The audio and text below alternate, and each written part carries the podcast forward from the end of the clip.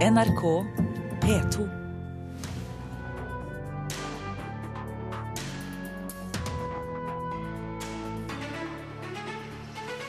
Russland kan bli buet ut under den første semifinalen i Melodi Grand Prix i Wien i kveld. Det tror lederen for den norske Melodi Grand Prix-klubben. Og vi har fått en kritiker til å plukke ut de antatt beste og verste sangene som vi skal lytte til senere i Kulturnytt. Filmbransjen vil kjøpe de historiske filmstudioene til norsk film på Jar. Og vi anmelder et nytt verk av Hollywood-komponisten James Horner. Han skrev musikken til Titanic, og dette har han skrevet til to norske utøvere. Men det er innholdsløst, sier vår kritiker. I Kulturnytt i Nyhetsmorgen i NRK. Russlands sang i årets Melodi Grand Prix er god nok til å vinne, men den kommer ikke til å gjøre det, nettopp fordi den kommer fra Russland. Det tror lederen i den norske Melodi Grand Prix-klubben, Morten Thomassen. I kveld er det første delfinale i Eurovisjonens melodikonkurranse. I fjor ble det russiske bidraget pepet ut av publikum, og Thomassen tror det er fare for at det samme kan skje i år. We are the world's people, I år har du i tillegg med en sang som synger om at folk må få lov å være seg selv, og alle må få lov å være unik. Og det er jo akkurat det enkelte i Russland ikke får lov til å være. Så det kan bli veldig spennende å se om Russland blir møtt med pipekonsert i år også. Ja. Vi tror på en drøm. Sånn starter russiske Polina Gagarina sitt bidrag 'A Million Voices'. Låta og faren for en reprise på fjorårets pipekonsert er blitt en snakkis i Grand Prix-miljøet foran kveldens semifinale i Wien i Østerrike. Jeg tror nok det er en viss fare for at det blir buing rett og slett på at liksom, de er liksom dobbeltsidig politisk. fordi at liksom, De sier én ting, og så mener de noe annet når man i real life. Så jeg tror nok det er mange som har liksom dårlige følelser for låten allerede pga. dette.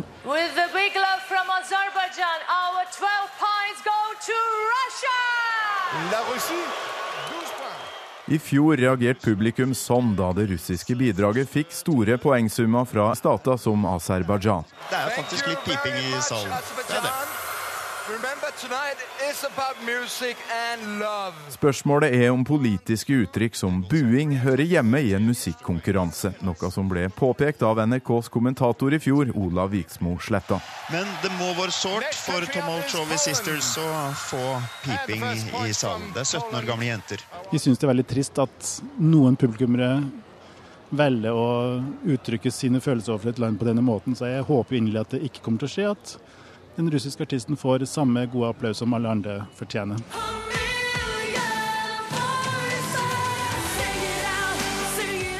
Polina Gagarina og låta 'A Million Voices' hadde hatt sjansen til å vinne hele konkurransen hvis hun hadde kommet fra et annet land. Det tror Morten Thomassen i Grand Prix-klubben. Hadde det ikke vært for den politiske situasjonen, så tror jeg at Russland kunne vært en skikkelig vinnerkandidat. Men jeg tror nok at det, de sliter litt med å få nok sympati fra alle land til å kunne gå helt til topps.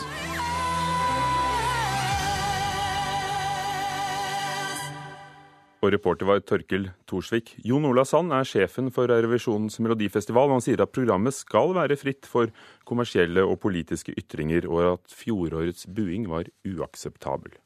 Og Det betyr at vi eh, også vil gjøre det vi kan for å unngå den samme situasjonen med buing mot enkelte land. For Hvis vi åpner den, den døren, så kreerer vi eh, en plattform for ytringer i tre direktesendte show som vil undergrave alt det Eurovision Song Contest står for. Jon Ola Sand i Den europeiske kringkastingsunionen. Russland-korrespondent Morten Jentoft, hvordan kommenteres faren for eventuell pipekonsert i Russland? Jeg så akkurat eh, på nettsiden til Komsomolskaja Pravda, en av de eh, største avisene i Russland, og på morgensiden. Der var de lite opptatt av akkurat det. Polina Gagarina, da, som jo er en stor stjerne i Russland, hun var mest opptatt av at hun skulle klare å huske teksten under eh, kveldens sangkonkurranse. Men det er klart at det har vært diskutert bl.a. på eh, debattforum, eh, på sosiale medier, hvordan dette kommer til å gå i år. Det ble selvfølgelig registrert i fjor at det hadde vært en viss pipekonsert. Og, men samtidig så eh, sender man jo da virkelig tung skyts til Wien fra Russland i år, sånn at man eh, legger seg jo ikke flat her. Man tar jo virkelig opp kampen. og eh, Polina Gagarin er jo en eh, Hun er stor? Hun er stor i Russland, og eh, hun har jo også en internasjonal bakgrunn, delvis oppvokst i i, i Hellas, eh, snakker eh, godt engelsk og er jo en, sånn sett en, en representant for å vise at Russland ønsker å holde døren åpen mot Europa. Hvor stor er eh, Melodi Grand Prix i Russland? Ja, det er klart at det er eh, relativt stort. altså, og For veldig mange så er dette en, en åpning da til Europa. Det blir sett, det passer også litt inn i russisk showbusiness, som jo kan ligne litt på Grand Prix-sirkuset, i alle fall hvis du ser på en del av disse TV-sendte showene. Så mange russere liker å se på uh, dette her. Og den type melodier som har slått igjennom i Grand Prix, også passer også inn til det um, til det russiske lynnet, vil jeg si. Sånn at det, det er eh, stor interesse for, for, dette. Vi skal selvfølgelig ikke overvurdere interessen. Men dette er jo en fredssang, eh, angivelig. Eh, kan vi tenke oss at det ligger politikk ikke bare i, i hvordan vi ser Grand Prix, men også i hvordan det lages? Ja, i alle fall Når vi ser på denne videoen som er laget da, for, for, denne sangen her, så er jo det et, et fredsbudskap med forskjellige generasjoner som eh, på en måte holder rundt hverandre, eh, bygger opp under eh, vennskap Eh, sånn at eh, det kan jo si at eh, dette i hvert fall er en, en, en slags utstrakt hånd. Men Igjen, altså det er vanskelig å ja, dette for langt. Altså. Utstrakt hånd eller propaganda? Det kan jo leses på det, mange måter. Det kan leses på mange måter. Det kan selvfølgelig leses på mange måter. Russerne mener jo at det er ikke de som er eh, de aggressive, eller i hvert fall ikke bare de eneste som er aggressive i denne konflikten i, i Ukraina, og at eh, de egentlig da bare på en måte forsvarer da de russisktalendes interesser der. Sånn, at, eh, sånn sett så kan det leses også som en, eh, som en propaganda, men også en, en utstrakt hånd. Melodi Grand Prix, sett fra en russlandskorrespondent, er det underholdning eller storpolitikk? Begge deler, vil jeg si. Altså, det, I og med at man har hatt denne nasjonalistiske bølgen gående over Russland nå, så er det jo interessant at man da har fokus på det som skjer i Wien. Altså man viser eh, Mange eh, mener jo selvfølgelig at Russland absolutt er en del av den europeiske kulturen, og liker ikke å høre dette snakk om at vi er så unike og noe helt for oss selv. Eh, så, så, sånn sett så eh, ja, Vi får se hvordan Det er stort i Russland. Man følger med på dette. Vi har jo sett også at uh, det interessante er at mange uh, stemmer også på Russland. Det bor mange russere rundt omkring i Europa, i andre land, som faktisk uh, aktivt deltar da under avstemmingen også. Så det blir interessant å se hvordan det slår ut nå når, nå når konkurransen starter. Takk, Morten Jentoft. Og senere i Kulturnytt skal vi få Aftenpostens kritiker til å lytte til det han mener er de beste og verste, og det norske bidraget.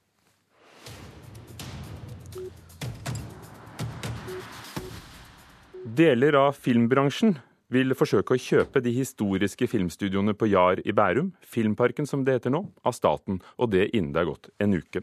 Dette sier representanter for de fem store filmbransjeorganisasjonene til NRK. Dersom kjøpet går gjennom, vil Filmparken begynne å samarbeide med sin største konkurrent i Sverige for å lokke til seg flere filminnspillinger.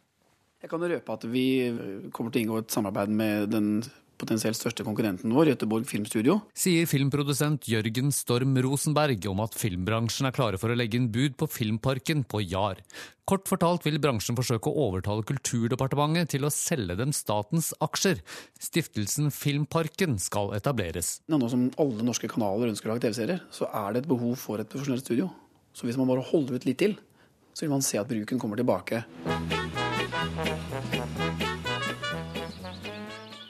Det 25 mål store anlegget på Jar har vært selve navet i norsk film siden det ble reist midt på 1930-tallet. Men de siste årene har det gått trått. Filmprodusentene begynte å flytte filmene sine til billigere studioer i andre europeiske land. Derfor vedtok Stortinget å selge statens aksjer i Filmparken i fjor.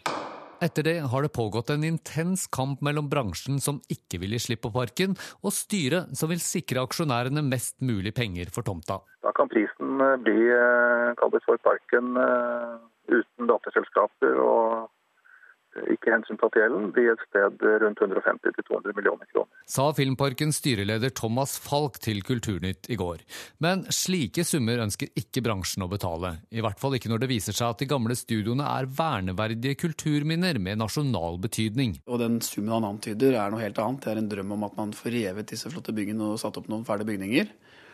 Eh, så det er urealistisk. Sier Storm Rosenberg. Han innrømmer likevel at Filmparken er blitt brukt for lite. Derfor må filmprodusentene ta mer ansvar om det skal være liv laga. Vi ønsker å ha såkalte aktive leietagere. Dvs. Si at alle leietagere er potensielle brukere av studio eller utleie eller hva som helst. Og på den måten så er det de som bor der, som bruker stedet. I tillegg vil samarbeidet med filmstudioet i Gøteborg lokke flere utenlandske filmer til parken på Jar. Det tror Sverre Pedersen i Filmforbundet, som er med på spleiselaget. Altså, Jar har jo eh, tre studioer med en begrenset størrelse på hver av de. Så til veldig store dekorasjoner så vil du ha behov for større fasiliteter enn det som Jar har. Og Dermed så blir samarbeidet med Gøteborg midt i blinken. Og reporter var Petter Sommer. Statssekretær i Kulturdepartementet Bjørgulv Vinje Borgundvåg mener det vil eh, være ulovlig å selge Filmparken under markedspris. Stortinget har gitt fullmakt til å selge statens aksjer. Det er i tråd med forslag fra tidligere regjering om å avvikle statlig eierskap. Og filmbransjen og alle interessenter er velkomne til å overta eiendommen. Men Det må skje på markedsmessige vilkår. Selskapet har i dag stor gjeld de ikke klarer å betjene, fordi det ikke har vært grunnlag for å drive lønnsomt. Og ettergi en sånn gjeld vil etter all sannsynlighet regnes som ulovlig statsstøtte etter EØS-reglene.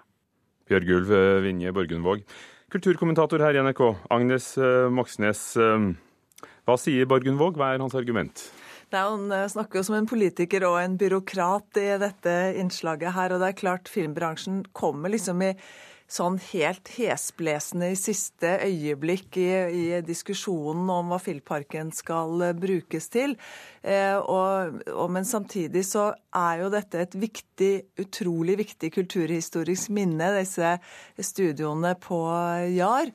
Og, og det kan ikke være enkelt for en politiker å aktivt se bort fra det, at her er Bør Børson spilt inn, Ann Margrit, Kristin Lavransdatter, Fleksnes-filmer, Salme fra kjøkkenet, Max Manus. Altså hele filmhistorien vår kommer derfra. Eh, og da hvis man skal selge det da til fordel for tomtekjøpere i en av Norges rikeste kommuner. Så hva slags sted er det i dag? Det altså, hvis vi ser på Filmparken, da, så er jo det, hvis vi selv går litt historisk til verk, så er det jo selve den norske drømmefabrikken. Eh, den åpnet for 80 eh, år faktisk, altså 80 år siden faktisk i disse dager. 2.3.1935, eid av norske kommuner. Og da Rolf Stranger, som var styreleder, åpnet studioene, så sa han at her skal grunnlaget legges for den gode norske filmen. Det var en av de satsingspunktene i norsk filmhistorie. Og rent økonomisk så har altså norske kommuner profittert voldsomt på de filmene som er blitt produsert eh, på Jar. Eh, Munch-museet er bygget som inntekter fra bl.a. norskproduserte filmer. Det er parker rundt omkring i Norge, det er kirker, det er helsehus osv. Ja, hvordan henger det sammen? Ja, Det er fordi at norske kommuner eide, eide Filmparken, eh, og gjorde det veldig lenge, og tjente penger på det inntil TV TV-en kom og liksom tok over litt av interessen. Men er det behov interessen. for filmstudioene i dag? Kan, ja, skal filmen jo, ta vare på museet? Ja, Det er jo det store spørsmålet, og den er jo blitt veldig lite brukt de siste årene. Men, og det jo Der ligger det en kraftig utfordring. Eh, men hvis man skal liksom ikke se seg veldig mye rundt før man ser at det er jo ikke akkurat blitt mindre behov for eh, eh film og TV-serier som vel er mer etterspurt enn noen gang nå. Takk, Agnes Moxnes. Filmbransjen ønsker altså å kjøpe Filmparken av staten innen det er gått en uke. Snart er klokken 17 minutter over åtte. Du hører på Nyhetsmorgen i NRK. Overskriften i dag kommunene er ikke aktive nok for å finne boliger til flyktninger, mener UDI. I dag skal Stortinget diskutere hvor mange syriaflyktninger Norge skal ta imot. NSB er med i anbudskampen om å drive lokaltogtrafikk i Stockholm. Og det ligger an til nyvalg i Danmark før sommeren. Statsminister Helle Thorning-Schmidt er blitt mer populær, men ifølge meningsmålene blir ikke regjeringen hennes gjenvalgt. Norsk Skuespillerforbund frykter kutt i teatrene etter at pensjonsforhandlingene i kultursektoren strandet.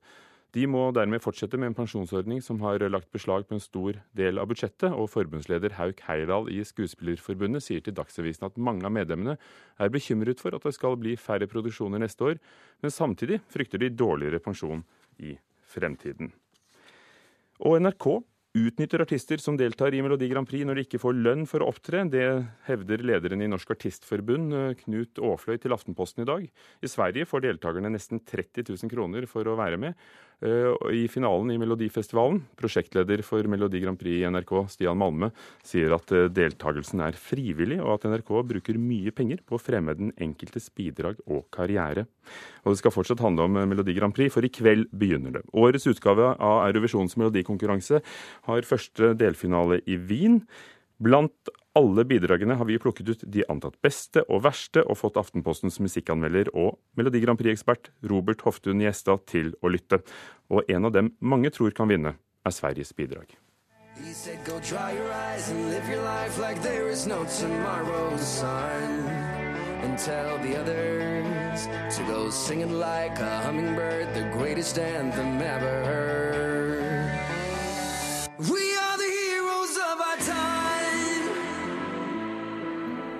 Er han din favoritt også? Han er faktisk det.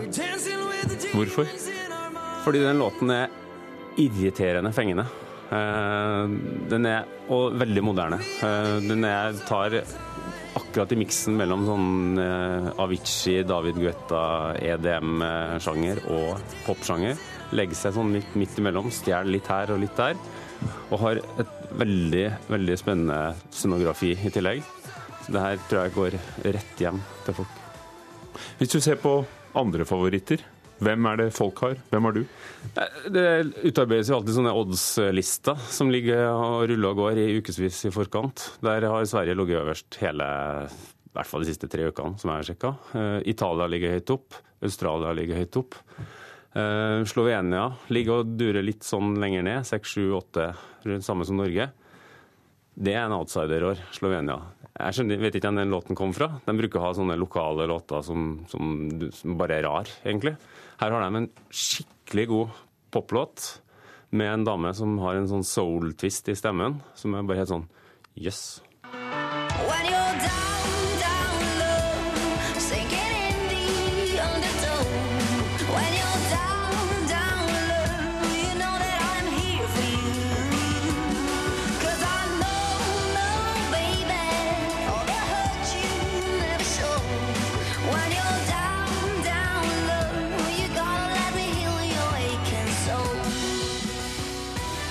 Utypisk for Slovenia, kanskje også for Melodi Grand Prix? Ja, det er jo det. Eh, Å, å, å, å synge med en sånn litt Amy Winehouse-aktig soul-stemme er, er veldig sjelden. Eh, Den har også en eh, annen overraskelse. Jeg vet ikke om jeg skal nevne si-en, eller om jeg skal vente til at folk får se det på torsdag i semifinalen. Men det, det er et eller annet med den felespillinga der som kan bli morsom på TV. Årets verste låt. Det er nesten like morsomt med Melodi Grand Prix som de beste. Og hva kommer det til å bli? Ja, det er jo, altså, I år så er det faktisk mindre sånn, helt sånn håpløse låter eh, enn det har vært de siste årene. Som regel så bruker det å være noen som er så helt krise at det, at det bare er morsomt. I år så er det en del som er bare ordentlig ordentlig dårlig. Den aller dårligste kommer fra Georgia. Eh, Nina Sublati. Ukjent for meg. Sikkert ukjent for alle andre òg, tenker jeg. Litt av problemet at jeg nå har jeg hørt låten seks-sju ganger, kanskje. Jeg forstår fortsatt ikke hva hun synger. Tittelen er jo Warrior, ja, kriger. Ja, men hun synger på engelsk. Det fant jeg ut etter hvert. Men, men det er ikke mulig å forstå teksten. Og det er jo komisk, da, når du skal prøve å nå ut til 200 millioner seere. At, eh, at du ikke klarer å synge ordentlig.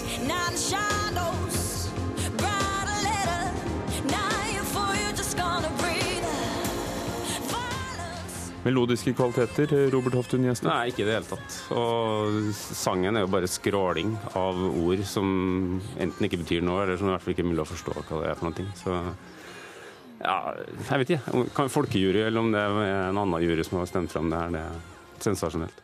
Hvordan er Norges sjanser i år i Wien? Vi kommer med en ganske god låt. eh, En, en bra melodi som, som blir sunget bra av, eh, av eh, Mørland og- Debra Scarlett. Men det er en låt som trenger ganske lang tid. Jeg tror de fleste vil si at når du har hørt den en tre, fire, fem, seks ganger, så begynner den å sette seg. Spørsmålet om den rekker å nå fram. I better let you go to find the prince you thought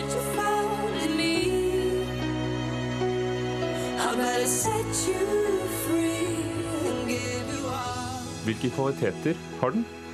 Den har en eh, fin melodi.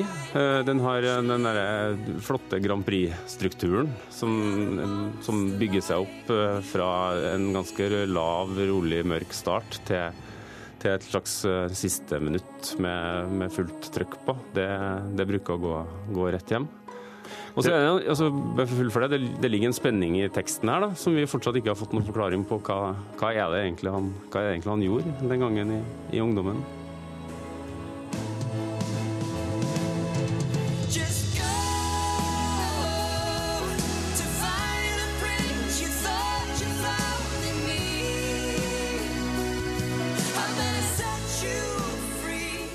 Risikerer vi å find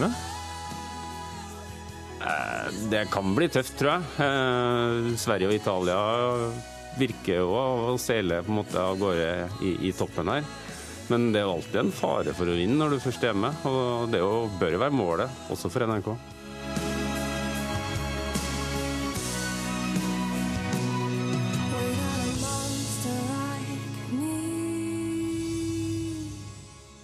Musikkanmelder i Aftenposten Robert Hoftun gjesta om eh, de beste og de verste. Og det norske bidraget til Melodi Grand Prix.